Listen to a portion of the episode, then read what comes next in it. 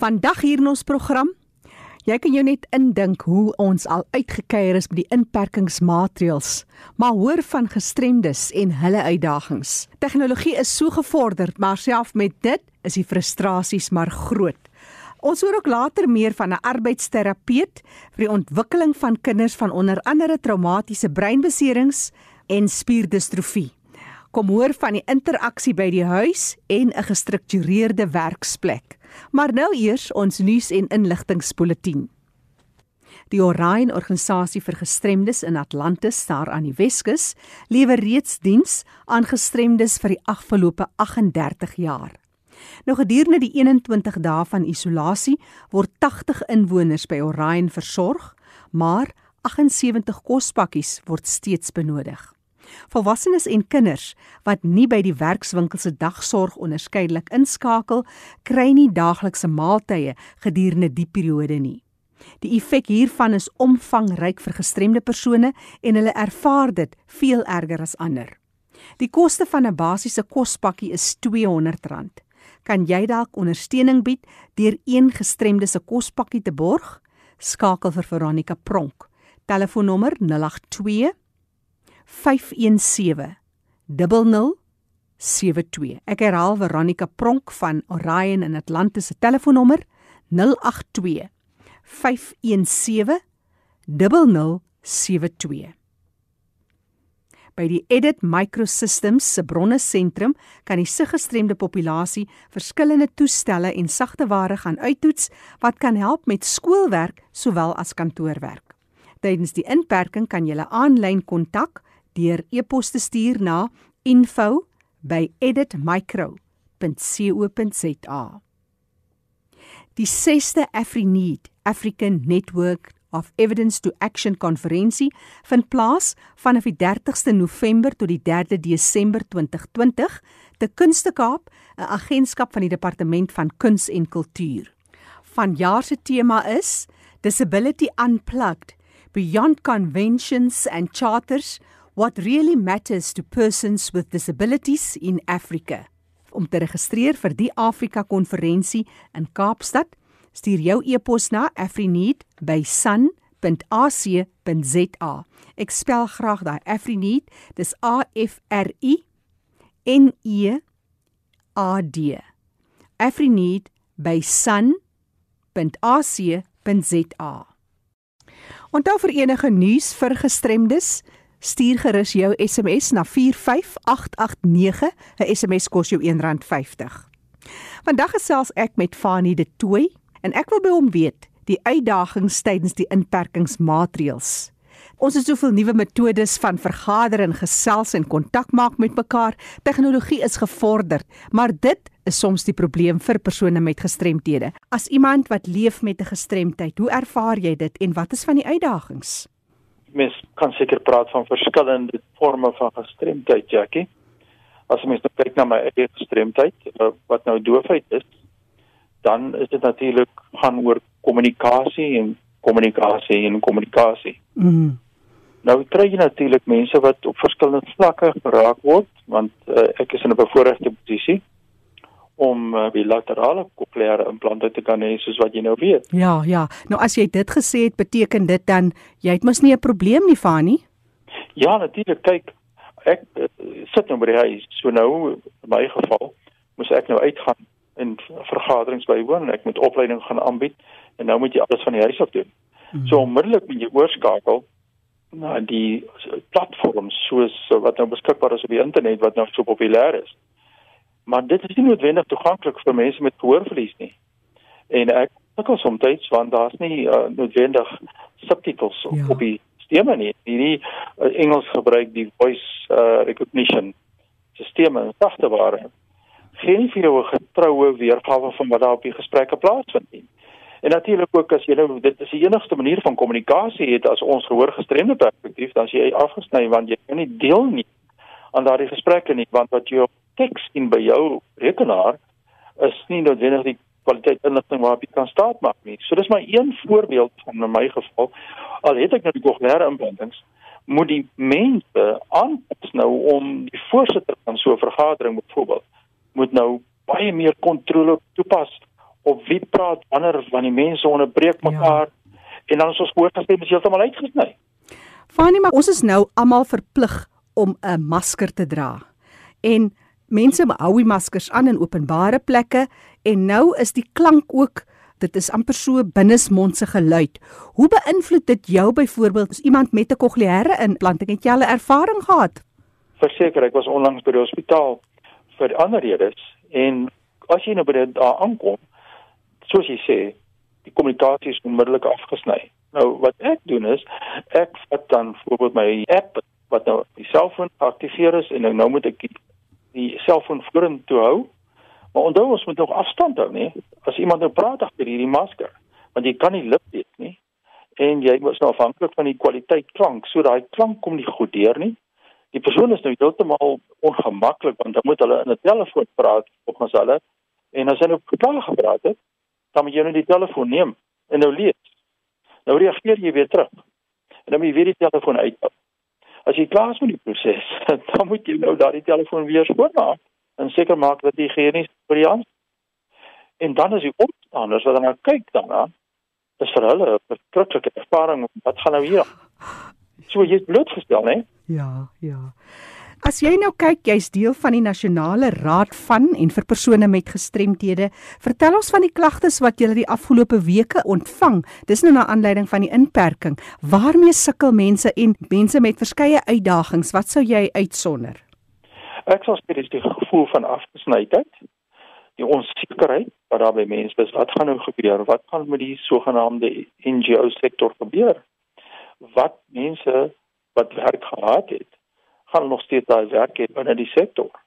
Gaan mense met gestremthede wat nou uitgelewer is aan afgesnydheid, kry hulle die nodige dienste? Die toeganklikheid van professionele dienste was met vlak 5 baie groot uitdaging want ons het onthou dat sekere dienste is beskikbaar gemaak as essensiële dienste. Mm. So ons baie klagtes ontvang van mense wat nou onseker is, mag hulle dit doen, mag hulle dit doen nie? Uh, wat van die kwessie van sorgpersone, mense wat ondersteuning moet bied. Kon hulle daar uitkom, kon hulle daar uitkom nie, die permit wat gegee moet word. So daar het ons baie baie navrae gekry van mense wat nou voor gekom het en ook natuurlik van mense met gehoorverlies het gevoel dis totaal heeltemal afgesny. Ja. Want hulle kan nie uitreik na die audioloog byvoorbeeld op daardie stadium nie. Nou is dit 'n ander vlak. So gaan ons nou maar seker die vlakke beweeg. Maar dit bly steeds groot vorm van afgesnyheid. So ek wil sê afgesnyheid was een van die grootste uitdagings wat ons ervaar het en van terugvoer wat ons ontvang het. En dan praat mense seker van vrywilligers wat juis kom dienste aanbied by instansies absoluut dit maak mense magteloos want onthou nou as jy byvoorbeeld iemand in 'n rolstoel is jou hele lewe verander of as anders as wat dit was. En dink toe maar net aan die kontak wat jy as jy nou in 'n rolstoel beweeg kontak is ontsettend belangrik in terme van hierdie hele voorkoming van verspreiding. Maar jy maak kontak met die wiele van die rolstoel jy weet jy beweeg en mense wat byvoorbeeld nou sigverlies het tas en vat is vir hulle baie baie belangrik want ja. hulle moet voel deur die wêreld en nou iewers skielik het ons hierdie kwessie van ons mag nie meer dit doen nie. Ons moet higienies probeer lewe en iemand byvoorbeeld ons sê byvoorbeeld hoe nies in jou elmboog as jy byvoorbeeld iemand nou moet ondersteun wat blind is en jy moet iemand lei die enigste eerste plek waar die persoon vat as aan die persoon sê elmboog dis die persoon wat ons sê maar mens moet daarin hoes of nies. So daar's so baie dinge wat 'n mens nooit eers dink aan wat impak het op die mens met 'n gestremdheid nie deur die vyf verskillende forme van gestremdheid nê nee, ek praat om miskien meer uit 'n gehoorgestremde perspektief ja. maar daar's baie ander gestremdhede wat op verskeie maniere geraak is deur hierdie hele saak Fanny die hele ding van virtuele vergaderings toegang het so belangrik geword. Geef ons 'n paar van die faktore wat rol speel in terme van effektiewe deelname aan 'n virtuele vergadering of ander besprekings in die verband. Wat sê jy? Ek sê eerste instansie die voorsitters van so 'n vergadering het nou 'n massiewe verantwoordelikheid om seker te maak dat so 'n virtuele vergadering nou aan die gang is, seker te maak dat dit goed beheer word. Die tweede instansie is as mens nou gehoor gestremde mense in die uh, deelnemers het, dan moet mense seker maak dat die omstandighede rondom daardie vergadering baie stil is. So, jy weet jy het hierdie voordeel waar jy die mikrofone kan uitskakel op verskillende plekke en tye en dit is 'n bepaalde verantwoordelikheid maar ook 'n sensitiwiteit rondom dit vir die voorsitter beampte om seker te maak dat daardie mikrofone uitgeskakel word. Mm. Dan ek het dit genoem van die uh, onderskrifte en uh, die uh, word to text transcription as ek Engels kan gebruik wat dan hooggestremde mense help. Maar ja, jy is korrek as jy sê dat 'n hele nuwe benadering gekom, maar ook natuurlik dat ons mense is nie gerad gewees vir hierdie ding. En dis ons ook 'n groot opvoedingstaak om mense op te lei om hierdie verskillende platforms te gebruik. Daar's omtrent 4 platforms. Groot netwerke wat 'n mens kan gebruik en elkeen het sy eie vereistes en mense moet opgelei word. So dis ook 'n groot uitdaging wat mense nie altyd aan dink nie. Maar as ek iets positief kan sê, Jackie, mm -hmm. dit is ons het gesmeek vir jare dat mense, mense met gestremthede in diens moet neem. Hulle moet hulle by die huis die geleentheid om te gaan werk van die huis af op hierdie platforms en hulle kan nog steeds werk want daar is nie toeganklike vervoer beskikbaar nie en mense kan nie noodwendig ingaan na die werkplek nie. Maar mense het dit nie so gesien nie want dat redelike akkommodasie was nie altyd so toegepas dat mense met gestremthede soveel te offer en van die huis af werk nie. Nou met hierdie hele situasie wat ons is vir ons geleer dat jy kan van die huis af werk. Is dit nie pragtig wat ja. uit daar uitgekom het nie? Want nou is dit op die orde van die dag. En is eintlik tot koordeel ook van mense met gestremthede en dan die ander stuk is dat dit ons ook geleer om te verstaan wat inperking is, wat daar baie mense met gestremthede is wat as deel van die aard van hulle gestremdheid ingepak is. So ons het baie positiewe lense ook in hierdie situasie geleer Becky. Jy is baie betrokke by opleiding. Vergeef ons jou kontakbesonderhede vir mense wat uh, wil kontak maak in hulle omgewing. Dalk net 'n paar idees wil kry oor hoe om te werk te gaan. Hoe gaan hulle te werk met jou te kontak? Ek weet jy's ook baie aktief op Facebook en gee al die wenke en idees. Vertel ons. Ja, wel mense kan maar op die platforms na my naam van in die twee soek en vir my maklik opkom of natuurlik die e-pos is die grootste belangrikheid. Ja. Mense kan skakel by e-pos fani.dt by mweb.co.za.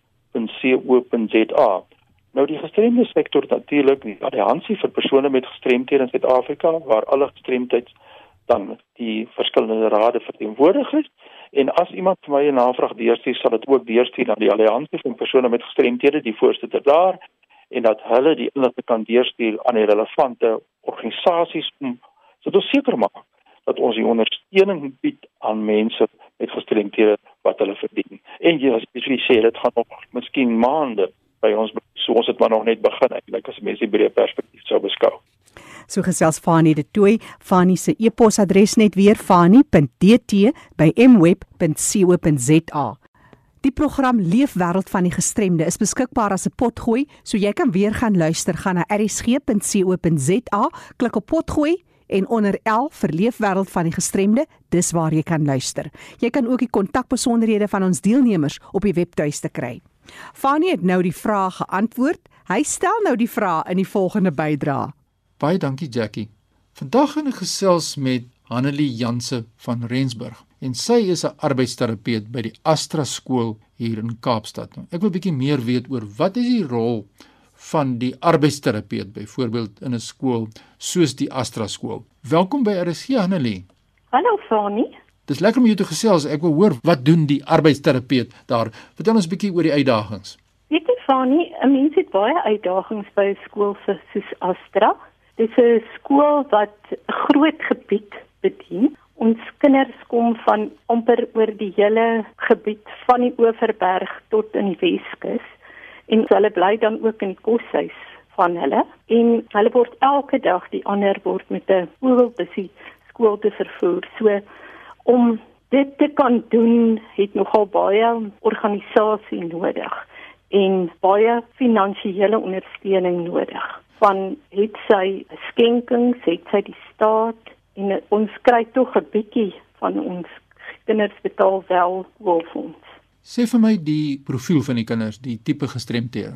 Weet jy, ons het 'n baie verskeidenheid kinders. Ons het kinders wat cerebraal gestrem is, wat dan diplee of quadriplee of hemiplee is.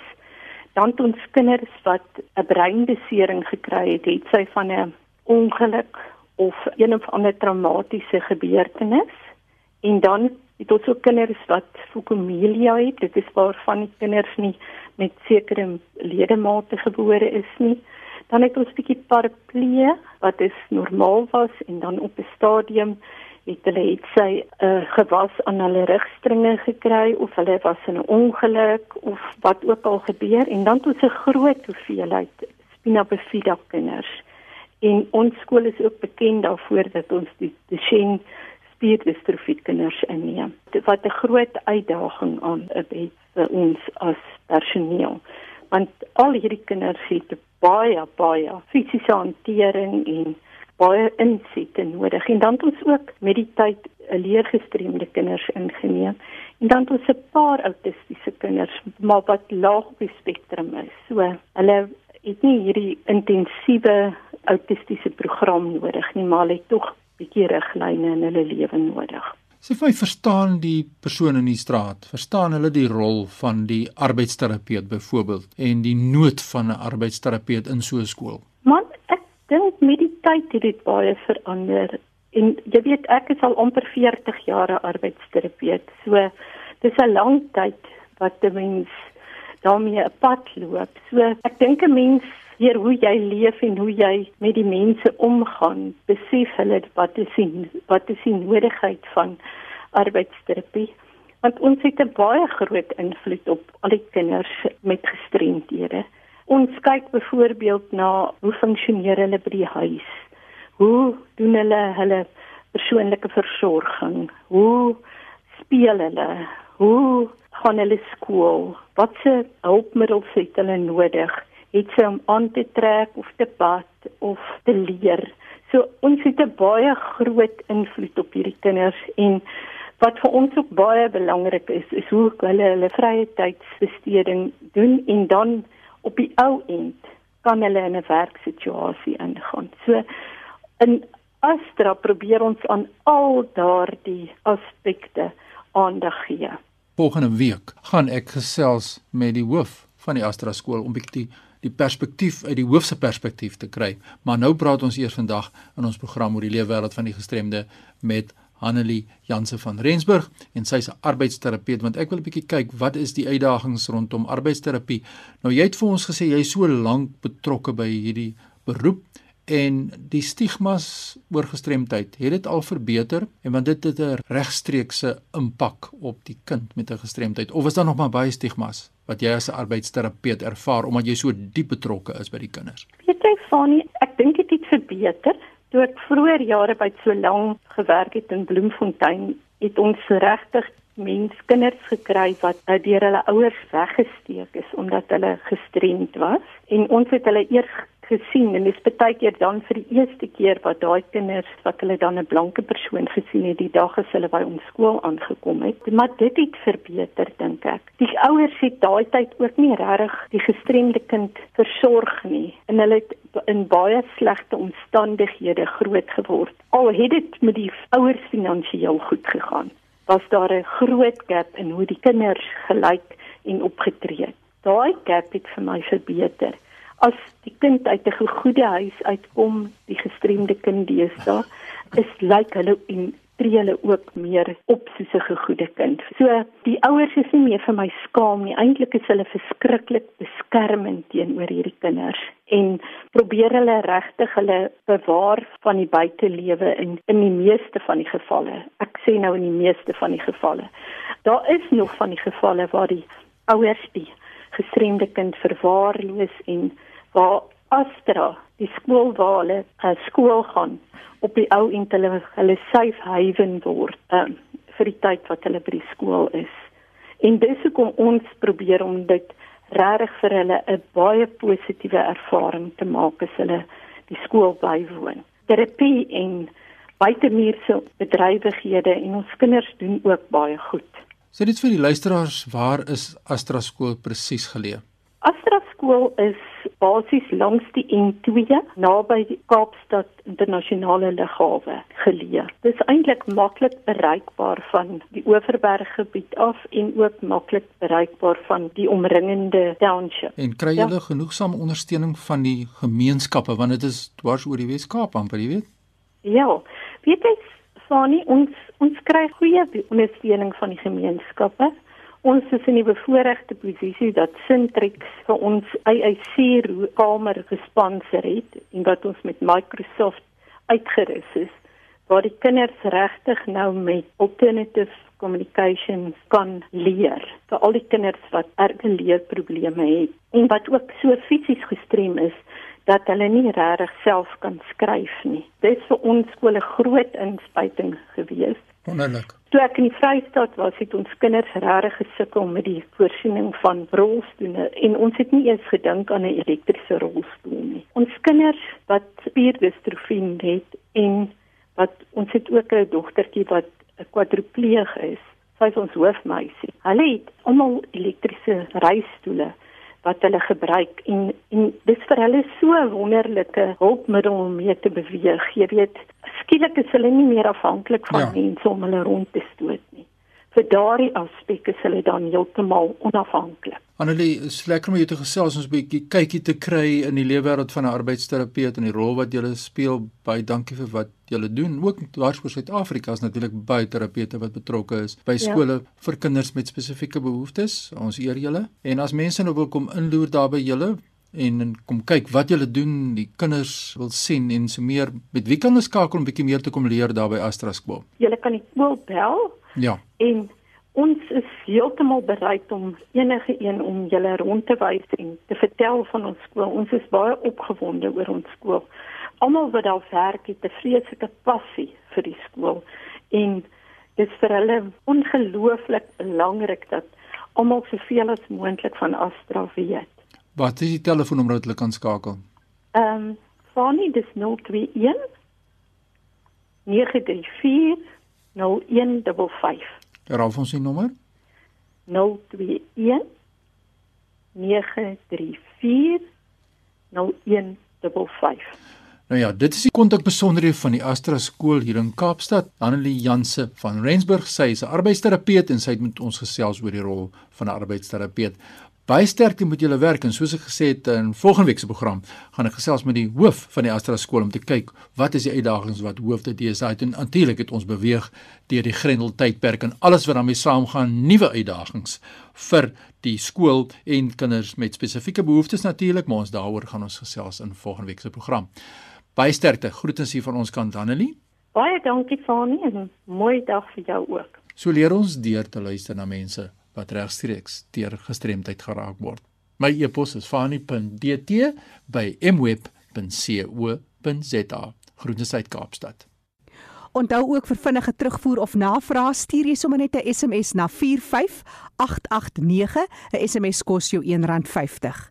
Leefwêreld van die gestremde staan onder leiding van Fanie De Tooy en Jackie January.